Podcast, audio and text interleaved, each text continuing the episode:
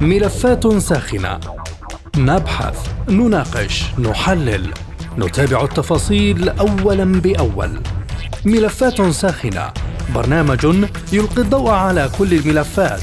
مع باقة من أبرز المحللين والمسؤولين. أهلا بكم مستمعينا الكرام في حلقة جديدة من ملفات ساخنة وهذه جيهان لطفي تحييكم. في ملف اليوم نناقش هل تعصف الموازنة الجديدة لإسرائيل بحكومة نتنياهو؟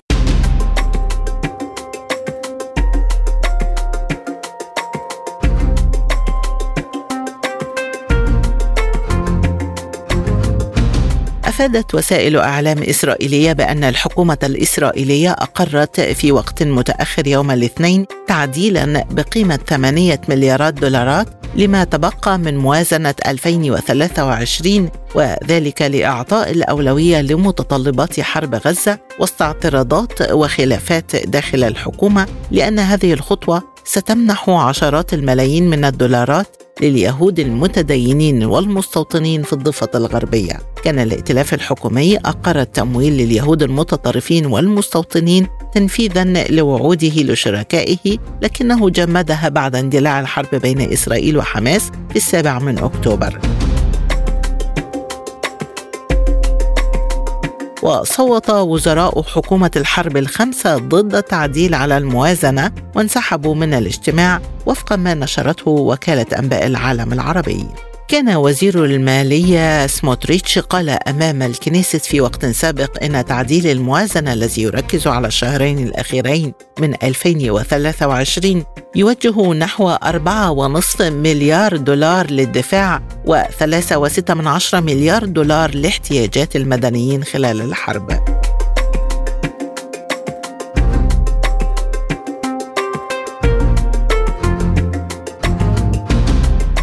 وسبق أن هدد وزير الاقتصاد نير بركات وهو من حزب الليكود بالتصويت ضد تعديل بينما امتنع وزير العلوم والتكنولوجيا المنتمي للحزب نفسه عن التصويت قائلا إن وضع إسرائيل الاقتصادي قبل الحرب لم يكن امنا وإن خلال مناقشات سابقة كان هناك توافق واسع على عدم الإنفاق على أي شيء لا يتصل بمتطلبات الحرب. فهل تعصف الموازنة الجديده لإسرائيل بحكومة نتنياهو؟ حول هذا الموضوع تدور نقاشاتنا في حلقة اليوم من ملفات ساخنة. البداية من إسرائيل ومعنا عبر الهاتف البرلماني الإسرائيلي السابق والمحلل السياسي إيلي نيسان. أهلا بك سيد إيلي وبداية ما هو حجم الخلافات في الحكومة الإسرائيلية على الموازنة الجديدة وهل تم إقرارها بالفعل؟ تم إقرار هذه الليلة الموازنة الجديدة ولكن كانت هناك خلافات شديدة بين مؤيد وبين معارض لإقرار هذه الموازنة. بشكل خاص المعارضة أتت من قبل حزب برئاسة بيني جانس الذي قال أنه الوقت غير مناسب لإقرار مثل هذه المناسبة ورصد الأموال للمستوطنين وللشركاء في الائتلاف الحكومي بشكل خاص للمتدينين. كان هناك اعتقاد بأنه يترتب عدم تحويل الميزانيات حسب الاتفاقيات الائتلافية للمتدينين وللمستوطنين ورصد هذه الأموال للدمار والخراب الذي شهدته القرى والتجمعات السكنية في خلاف غزة. أيضا كانت هناك معارضة من قبل وزير الاقتصاد آه، بركات بهذا الموضوع الذي صوت ضد هذه الميزانية. على كل حال هناك انتقادات أيضا من قبل المعارضة بان الحكومة غير واعية لمتطلبات السكان في جنوب إسرائيل الذين تعرضوا للهجرة من منازلهم. وطبعا خلفت مزيد من الأضرار الاقتصادية في الاقتصاد الإسرائيلي بشكل خاص لسكان جنوب جنوب إسرائيل. ولكن في نهاية الأمر كانت هناك أغلبية لتمرير ميزانيه الدولة رغم المعارضة والانتقادات التي وجهت من داخل الحكومة وأيضا عندما صوت القرى والتجمعات السكنية في خلاف غزة بالحديث عن هذه النقطة ومع اعتراض جانيتس على تمويل الأحزاب الدينية هل يمكن أن يذهب حزب أبيض أزرق إلى الانسحاب من الحكومة؟ فعلا الوزراء برئاسة آه، بيني جانس انتقدوا ميزانية الدولة وبعد أن صوتوا ضد آه، الميزانية تركوا جلسة الحكومة وغادروها ولكن في الظروف الحالية لا يمكن ولا أعتقد أن بيني جانس يترك الحكومة ويترك المجلس الحربي لأن هناك نقطتان. اولا له تأثير على مجريات الأمور واتخاذ القرارات في الحكومة. وكما قال نحن لسنا قسم من هذه الحكومة وإنما دخلنا إلى هذه الحكومة لفترة معينة بسبب الأوضاع.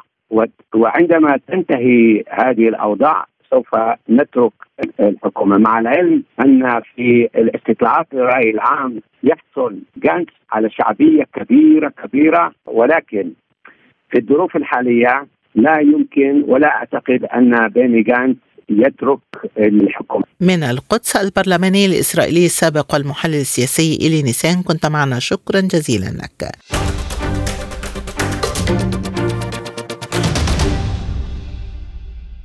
وحول تأثير الخلافات في أروقة الحكومة الإسرائيلية على مستقبل الائتلاف معنا من بيروت الدكتور بيير عزار الخبير في الشؤون الجيوسياسية والاقتصادية. مرحبا بك ضيفا عزيزا دكتور بيير وبداية في وجود حديث عن الهدنة وتمديد التهدئة. لماذا يتم رصد موازنة إضافية للحرب في غزة؟ بداية أعلمية تحياتنا لحضرتك ولكل المستمعين. ما لا شك فيه إن مركزية الفكر الصهيوني هو في زيادة عملية الاحتضان. دائما إسرائيل تخلق ذرائع من أجل تفعيل عملية بناء المستوطنات لأنها في نهاية الأمر تريد أن تحقق ما يعرف بيهودية الدولة بمعنى أن تستقطب كل الشرائح اليهودية المنتشرة عبر العالم على كامل مذاهبها لأن بالدولة اليهودية هنالك تعددية بالمذاهب ولكن هنالك رابط أساسي بأن الحركة الصهيونية قد بدأت تقنع الجميع ب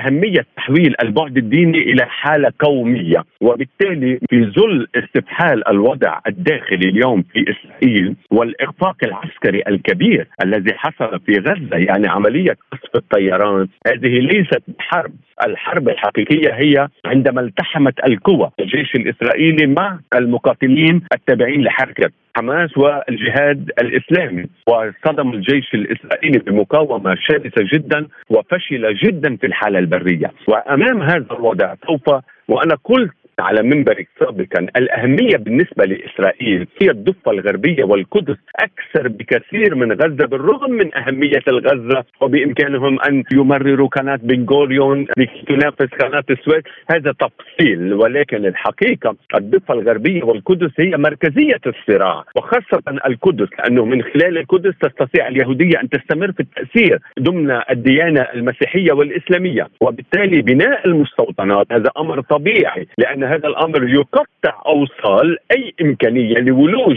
دولة فلسطينية حقيقية، لأن دولة فلسطينية حقيقية على مساحة الضفة الغربية مثلا وقطاع غزة تصبح إسرائيل بلا معنى من حيث المساحة، هي تعلم هذا الموضوع، وبالتالي عملية الاستيطان سوف تستمر بشكل قوي ويتصاعد باضطراد لأسباب أساسية، اولا الحماية الأمنية ولكن اكتشفت إسرائيل رويدا رويدا بان هذا الأمر ليس سهل لأنه الشعب الفلسطيني على كامل انتماءاته بغض النظر إن حركة حماس هي إخوان مسلمين ولكن في نهاية الأمر هم لديهم أحلام متسلحين بأحلام النصر وبالتالي من الصعب أحد أن ينتزع منهم أحلام النصر ولكن تبقى الحركة الصهيونيه مسيطرة بشكل كبير على مسرح الواقع الدولي لأنها ربطت الشعب الموجود داخل إسرائيل بالشعب الإسرائيلي بالماضي الصحيح ولم يستطع احدا حتى هذه اللحظة من أن ينتزع صفة اليهودية عن الحركة الصهيونية وهذا أمر يؤدي إلى فشل كل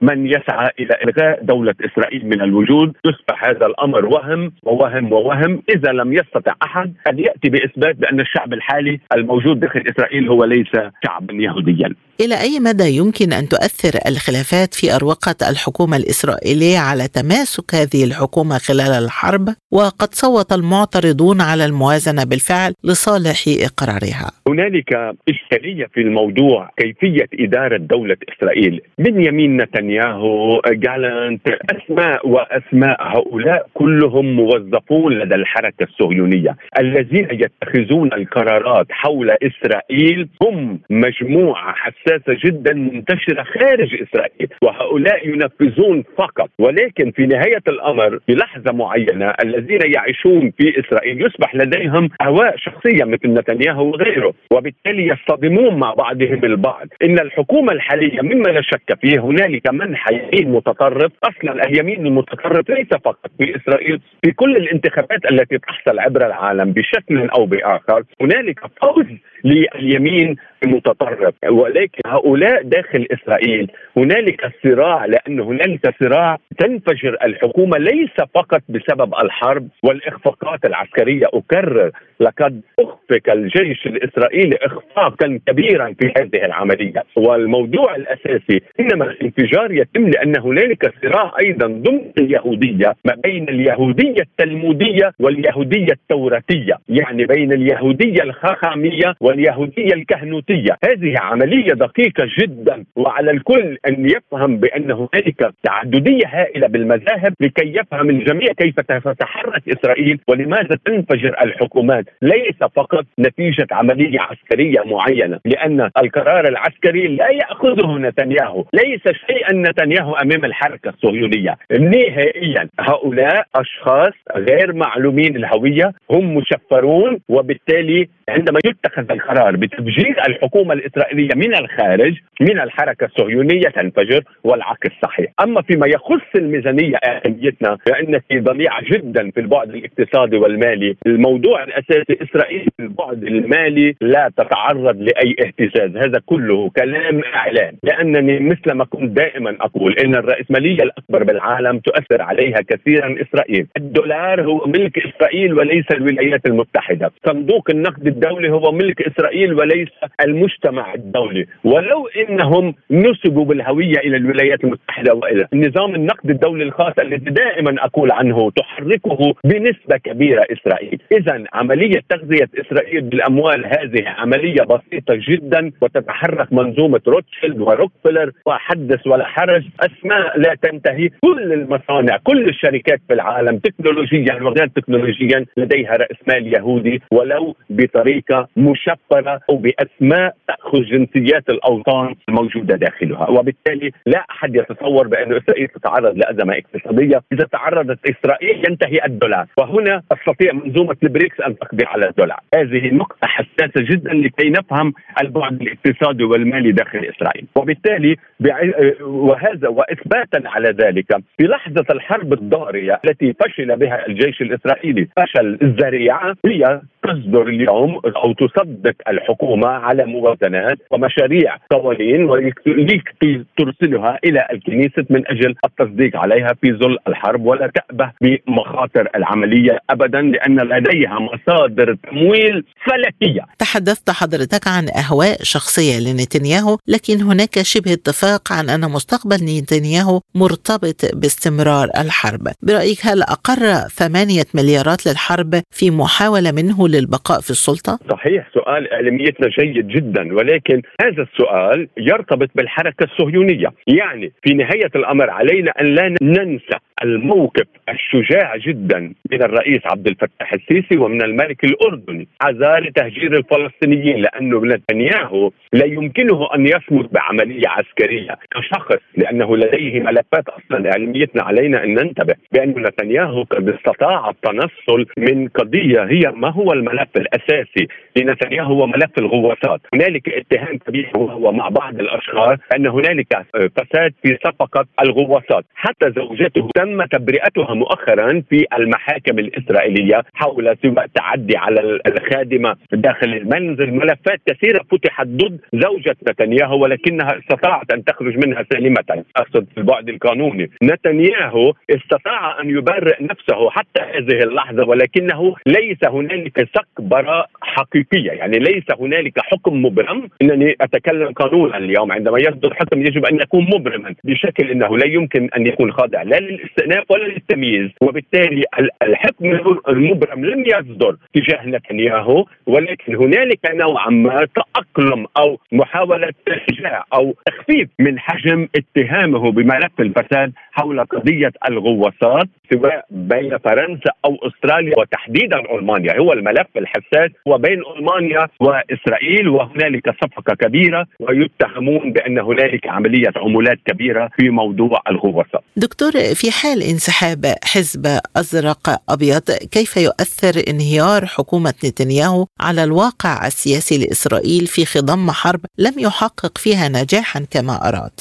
سؤال أيضا مهم. إعلاميتنا إسرائيل اليوم فاقدت الرؤية. يعني دائما آه، سوف نقول هنالك يقال دائما غلطة الشاطر بألف غلطة. إسرائيل عندما استعملت القدرات الجوية لأنها هي في البعد الجيوسياسي هي قوة جوية. مثل الولايات المتحدة قوة بحرية روسيا اليوم قوة جوية برية تكنولوجية. الموضوع الأساسي انسحاب حزب معين أو حزب آخر. هذا ليس هو بيت القصيد. البيت القصيد هو عندما يتخذ قرار من الحركة الصهيونية بتفجير الحكومة داخل إسرائيل تكون الحركة الصهيونية قد استعاضت عن بدائل لهذا الموضوع. ولكن في نهاية الأمر بالحقيقة إن الشعب الموجود داخل إسرائيل بات يعيش حالة من الرعب لأنه لم يستطع كان الجيش الإسرائيلي لأنه الإشكالية إعلاميتنا إذا أرادت إسرائيل أن تستمر بقوة عسكرية هائلة أن يكون كل الشعب جيش لأنه هذه الدولة هي الوحيدة استثناء بأن هنالك دولة في خدمة الجيش وليس جيش لخدمة الدولة.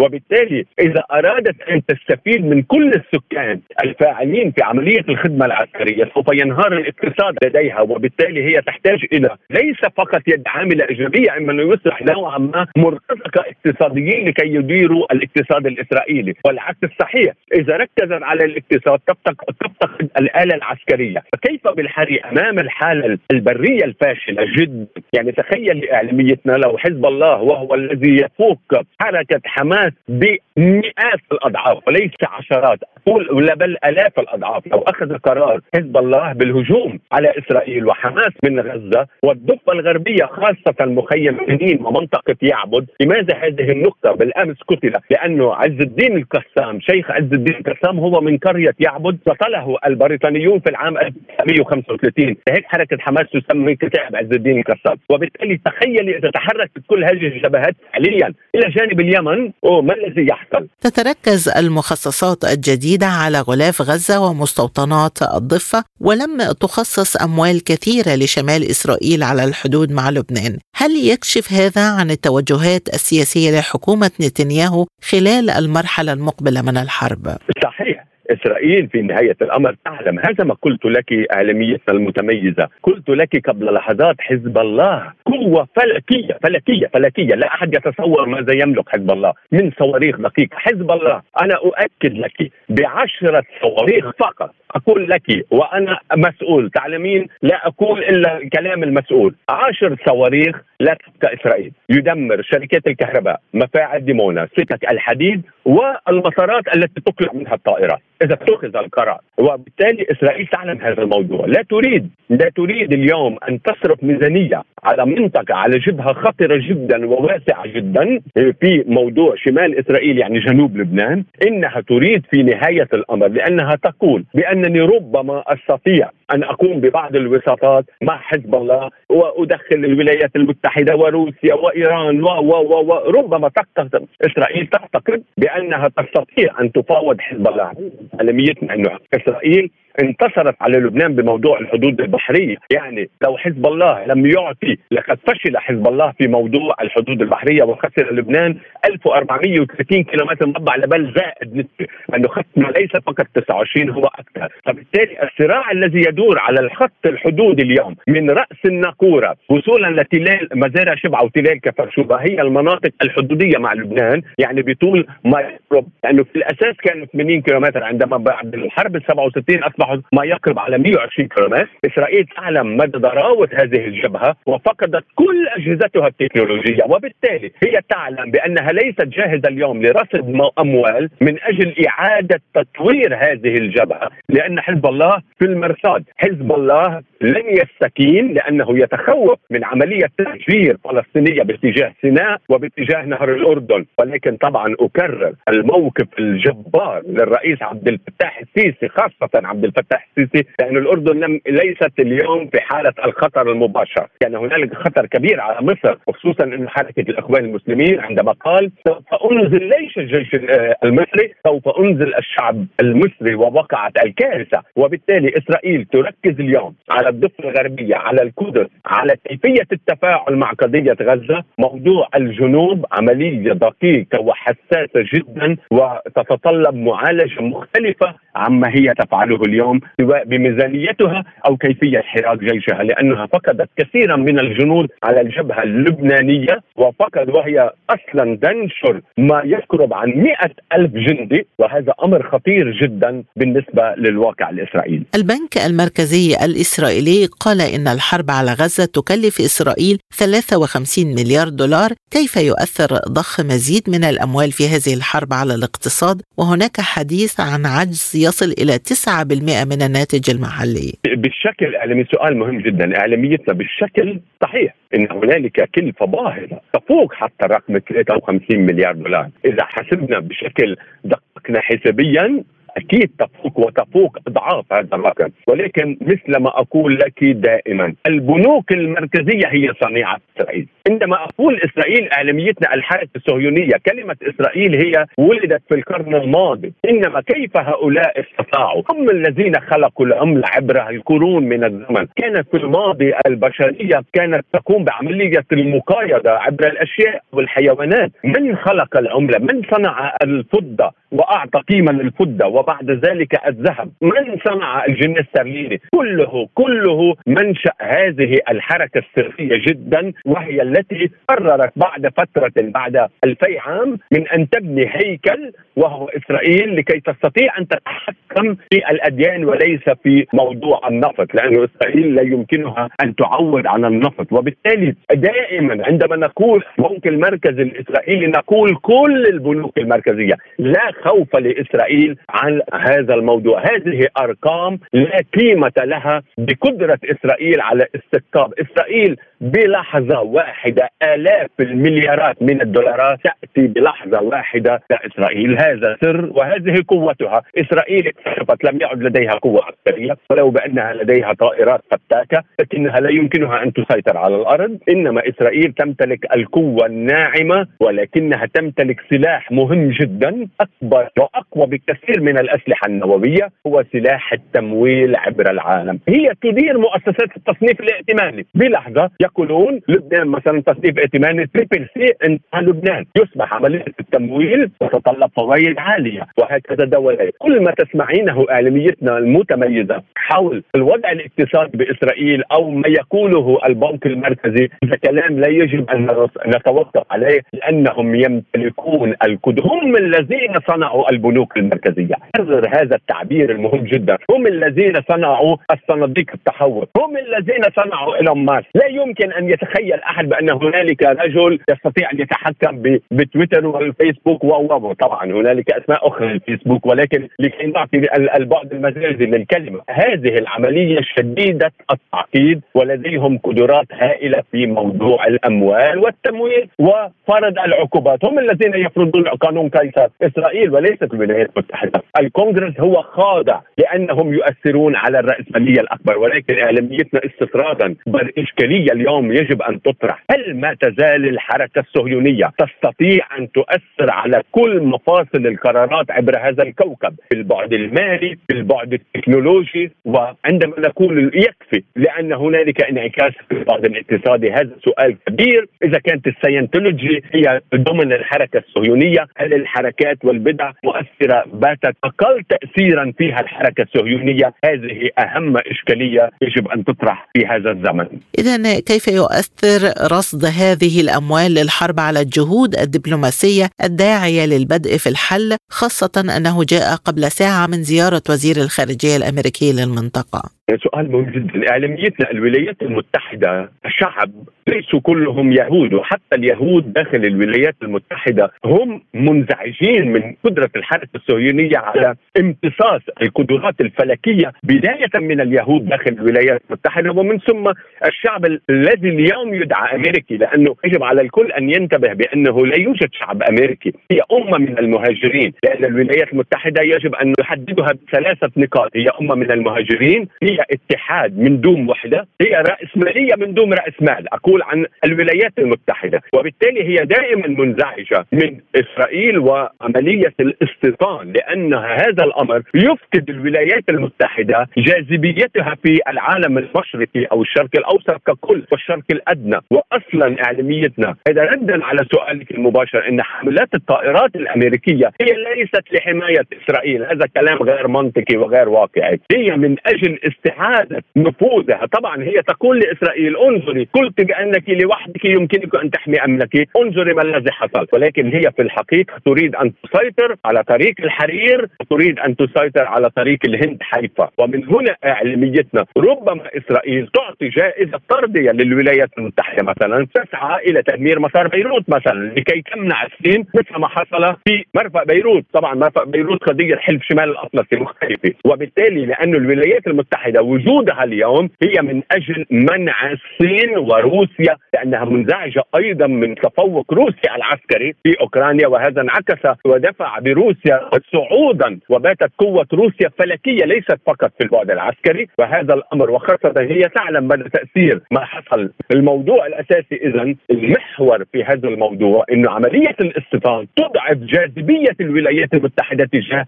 دول مجلس التعاون الخليجي تجاه أوروبا تجاه روسيا تجاه الصين تجاه شعوب المنطقة لكي يقولوا بأنك أنت يعني إسرائيل دائما يصبح هنالك صراع ما بين الولايات المتحدة كإدارة لأن الولايات المتحدة ليست شخص، هذه نقطة حساسة جدا، الولايات المتحدة هي مزيج هائل من الدول ومن الرأسمالية ومن المجمعات الصناعية العسكرية ومن سق الأموال، هي الدولة فيها تعددية هائلة في صناعة القرار وليست دولة مركزية، عندما يقولون الولايات المتحدة مثلا الشيطان الأكبر، المحور المقاومه يستعمل تعبير الشيطان الأكبر، كان الولايات المتحدة شخص، لا يفهمون ماذا تعني الولايات المتحدة، روسيا فيها مركزية، فيها رجل رجل قوي والشعب الروسي يعشق الرجل القوي جدا يعشقون الرئيس بوتين لأنه يحمل العصا ليس في الوسط. هم يريدون البطش يريدون القائد القوي الولايات المتحدة قضية مختلفة جدا. أخيرا دكتور تحدثت حضرتك عن اتجاه من الحركة الصهيونية لتفجير الحكومة. سؤال حلقة اليوم هل تنهار حكومة نتنياهو على خلفية الخلافات على الموازنة؟ وهل قرر المجتمع الدولي التخلص من رئيس الوزراء الإسرائيلي؟ وكيف ابتلع نتنياهو هذا الطعام؟ أنا قلت أن الحركة الصهيونية هي التي تتخذ القرار بتفجير الحكومة وليس الأحزاب داخل الحكومة لكي نكون أكثر دقة. أنا قلت منذ لحظات أن الحركة الصهيونية هي التي تتخذ القرار وليس نتنياهو. قلت بأنه موظف لدى الحركة الصهيونية وبالتالي الحركة الصهيونية اليوم هي أمام حالة أيضا من الضياع لأنها ليس لديها الشجاعة اليوم من أجل تفجير الحكومة فورا في ظل هذا الإخفاق العسكري. وبالتالي هي تريد أن تتخذ القرار ليس تحت حالة الانهيار وحالة الفشل الذريع. يعني إسرائيل عندما تستعمل الطائرات هي تفشل أيضا وأيضا. يجب عليها لا تستعمل الطائرات وإلا يصبح لا قيمة لجيشها. هذه آلة المدنيين. وبالتالي إذا الحركة الصهيونية هي أمام واقع صعب جدا في كيفيه استنباط القرار واتخاذه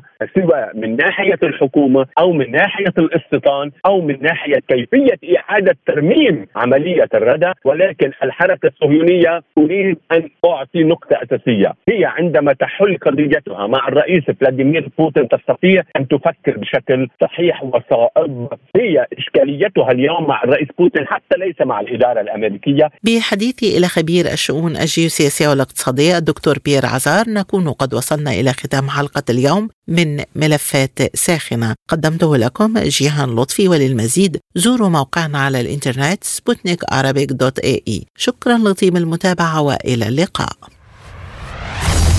مستمعينا بهذا نصل وإياكم إلى نهاية هذه الحلقة من برنامج ملفات ساخنة. طابت أوقاتكم وإلى اللقاء.